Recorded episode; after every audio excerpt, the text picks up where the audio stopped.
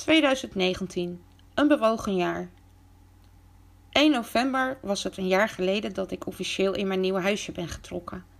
Het jaar ervoor in Ede was al pittig de omstandigheden en de verhuizing viel ook niet mee. Grotendeels in mijn eentje, maar ondanks veel tegenslagen had ik toch het gevoel dat alles ineens op zijn plek viel. Dit kwam mede omdat ik tijdens mijn verhuizing de diagnose Asperger kreeg. Zo mag het tegenwoordig niet meer heten. Hoogfunctionerend autisme zegt men nu. Alles onder de noemer ASS. Maar bij autisme denken velen gelijk aan Rainman en dat is niet hoe ik ben. Net als ieder normaal mens, neurotypisch, is ook iedere autist anders en er is een groot verschil tussen ASS bij mannen of bij vrouwen. Iedereen heeft wel enkele trekken van autisme. Ik heb er alleen een heleboel tegelijk. En als ik er iets over schrijf of vertel, krijg ik vaak een reactie van herkenning. Dat heb ik ook, maar ik ben niet autistisch. Je ziet er helemaal niet autistisch uit. Of, maar zo autistisch ben jij toch niet? Het zijn veelgehoorde reacties.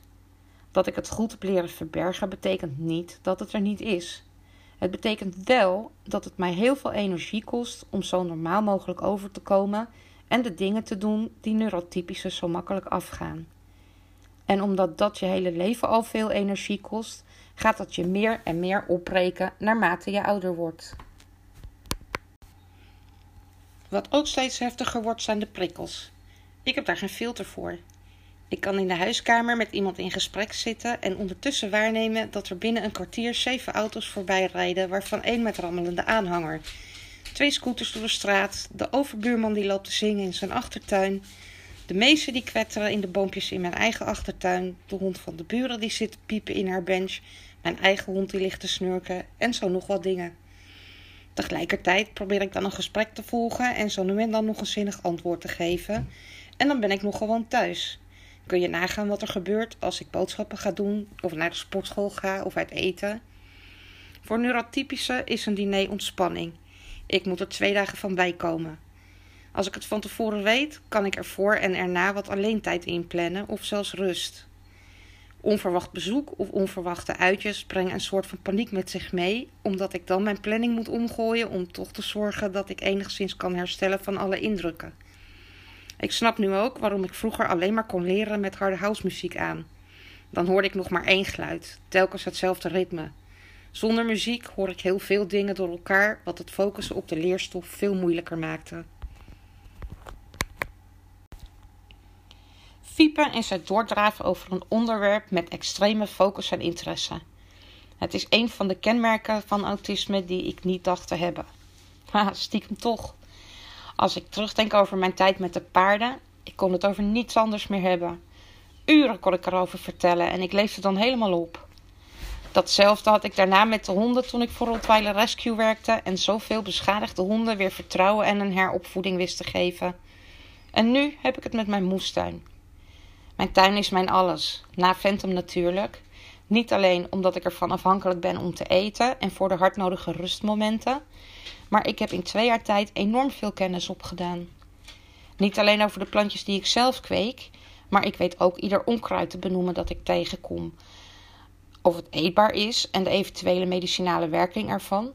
Maar ook van bloemen, bomen en struiken herken ik er veel, net als insecten, vlinders en vogels. Mensen die mij vaker zien, zullen er zo nu dan wel moe van worden, al mijn geouwe horen over de tuin. Maar veel meer dan dat heb ik ook niet in mijn leven. Dat klinkt misschien sneu, maar ik geniet er enorm van. En wat ik nog niet weet, zoek ik op. Lezen is weten. Ik heb altijd makkelijk geleerd en scoorde bij de IQ-test ook op alle vlakken boven gemiddeld, behalve op communicatie. Daar komt de ASS dan weer om de hoek kijken. Als ik iets moet vertellen, ben ik vaak in mijn hoofd al zes stappen verder, waardoor ik van de hak op de tak spring of moeilijk uit mijn woorden kom. Wanneer ik te emotioneel word of mij onder druk gezet voel, wil ik vaak zoveel tegelijk zeggen dat ik ervan ga stotteren. Dat maakt mij erg onzeker. Schrijven gaat mij gelukkig wel heel makkelijk af, vandaar ook dat ik nu maar eens de tijd neem om het allemaal duidelijk uit te leggen. Ook neem ik alles letterlijk en kom ik er vaak pas veel later achter dat iemand misschien wel een grapje maakte. Zit ze weer op de kast? Dat hoor ik heel mijn leven al. Maar als je grapjes in eerste instantie letterlijk neemt, ga je je al snel verdedigen. Helaas is dat niet het enige dat speelt. Omdat ik de verhuizing en al het bijkomende kluswerk in mijn eentje heb moeten doen, heb ik een hernia en een gescheurde ruggenwervel opgelopen. En een jaar op de bank slapen omdat je geen matras hebt, helpt daar niet aan mee. Gelukkig heb ik inmiddels wel een goed matras kunnen bestellen, dus ik kan niet wachten tot dat geleverd wordt. Mijn rugklachten zijn dusdanig en daarnaast ben ik ook nog beperkt in onder andere mijn schouders door fibromyalgie, dat ik nu twee uurtjes per week huishoudelijke hulp krijg. Zij helpt mij bij het stofzuigen, ramen lappen, bed opmaken en nog wat andere klussen die mij te veel pijn doen. Ik heb een hele lieve hulp. Vanaf het begin was er een klik en vertrouwen en dat is zo fijn. Regelmatig krijg ik de vraag of ik dan wel in de tuin kan werken. Maar ik werk volgens de no-dig-methode, dus niet spitten of schoffelen, maar op de grond zitten en onkruid met wortel en al plukken om het vervolgens als mulch neer te leggen. Voor mijn fysieke klachten loop ik bij de neuroloog en de reumatoloog, maar beide kunnen momenteel weinig doen vanwege de medicatie die ik al krijg voor mijn ogen. Tja, die ogen, dat is nog wel het grootste probleem. In mei werd ik gediagnosticeerd met birdshot chorioretinopathie. Een oogziekte die in Nederland maar bij ongeveer 200 patiënten voorkomt en die, zo is mij verteld, alleen maar behandeld wordt vanuit het UMC in Utrecht. Het komt erop neer dat mijn immuunsysteem mijn ogen aanvalt en ontstekingen veroorzaakt aan het vaatvlies en netvlies. Ik zit nu al een half jaar aan de prednison om de ontstekingen rustig te krijgen, begonnen met de maximale dosis en afgebouwd naar 10 milligram. Waarschijnlijk zal ik dit nog heel lang moeten blijven slikken. Bij het laatste onderzoek bleek wel dat het er al een stuk rustiger uitzag.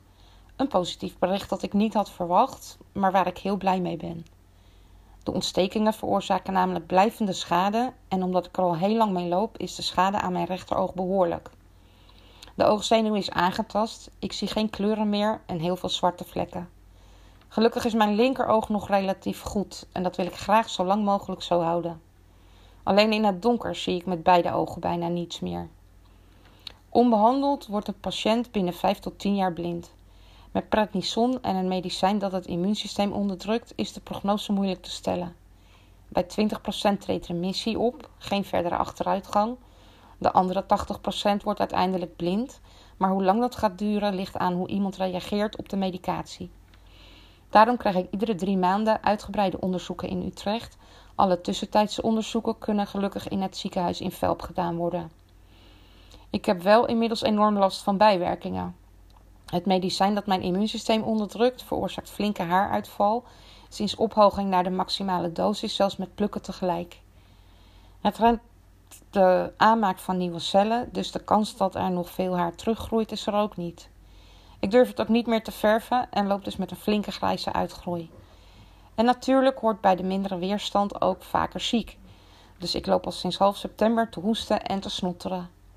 De prednison veroorzaakt gewichtstoename en zo nu en dan een heel gezwollen gezicht. Ik word er dus bepaald niet knapper op met al die pillen. Een half grijs, kaal wordend Michelin-vrouwtje. Daarnaast zorgt langdurig gebruik ook voor botontkalking en de medicatie die ik daarvoor krijg moet ik op zaterdag innemen, waarna ik er de hele dag beroerd van ben. Ook heb ik een paar maanden met een te hoge bloeddruk gelopen, die nu met afbouwen gelukkig wel omlaag gaat, maar nu schiet mijn bloedsuiker weer omhoog en moet ik maar hopen dat ik nog even niet aan de insuline hoef voorlopig. En om het nog leuker te maken blijkt de prednison ook vitamine D af te breken. De streefwaarde voor vitamine D is 80, maar aan het eind van de zomer zou men toch rond de 90 moeten zitten. Zeker iemand die zoveel buiten is als ik. Maar ik zat op 8. Dat verklaart wel meteen onder andere de nachtelijke spierkrampen, nachtmerries en het compleet uitgeput zijn. Door de fibromyalgie ben ik altijd wel snel moe, maar zo volledig leeg als de laatste weken, dat kende ik toch nog niet. En zo komt er geloof ik iedere maand weer een pilletje bij en voel ik mij zo langzamerhand een wandelend chemievat. Gelukkig mag ik van mijn arts wel kruiden gebruiken om de symptomen van onder andere verkoudheid wat te verlichten. Volgens haar heb ik kennis genoeg, maar ik ga toch zo snel mogelijk de opleiding kruidengeneeskunde doen die ik toch al zo graag wilde. Ik weet veel van kruiden en hun werking, maar er wordt weinig geschreven over contra-indicaties en dat is nu toch wel heel belangrijk. Wisselwerking met andere medicatie en geen weerstandverhogende kruiden bij een weerstandverlagend medicijn, om maar iets te noemen. Ik heb dit alles ruim een half jaar stilgehouden, omdat Facebook je feestboek zou moeten zijn. Maar mijn leven is geen feestje en het is moeilijk om alsmaar te blijven doen alsof. En nee, ondanks alles ben ik niet depressief en probeer ik te genieten van elke dag dat ik mij wel goed genoeg voel om iets te doen. Toch komen er steeds meer vragen van mensen. Waarom ik zo stil ben online of wanneer ik weer eens langskom. En vervelende opmerkingen als ik te weinig van me laat horen, een afspraak moet afzeggen of iets anders even niet gedaan krijg. En om niet telkens het hele verhaal te hoeven doen, doe ik het nu maar in één keer heel uitgebreid. Ik heb een hoop om over na te denken, ben keihard aan mezelf aan het werken, vaker in het ziekenhuis dan thuis en vaker ziek dan ooit. En als ik niet ziek ben, dan ben ik wel doodmoe van alles dat er gebeurt, om nog maar niet te spreken van de schaamte over de gevolgen van de medicatie op mijn uiterlijk. Dus, voor wie een tijdje niets van mij hoort, ik ben je niet vergeten, het is geen onwil, maar pure onmacht. Ik hoop niet dat je het mij enorm kwalijk neemt, maar vraag gerust nog eens.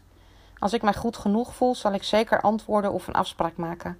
Overdag dan, want autorijden in het donker durf ik helaas niet meer.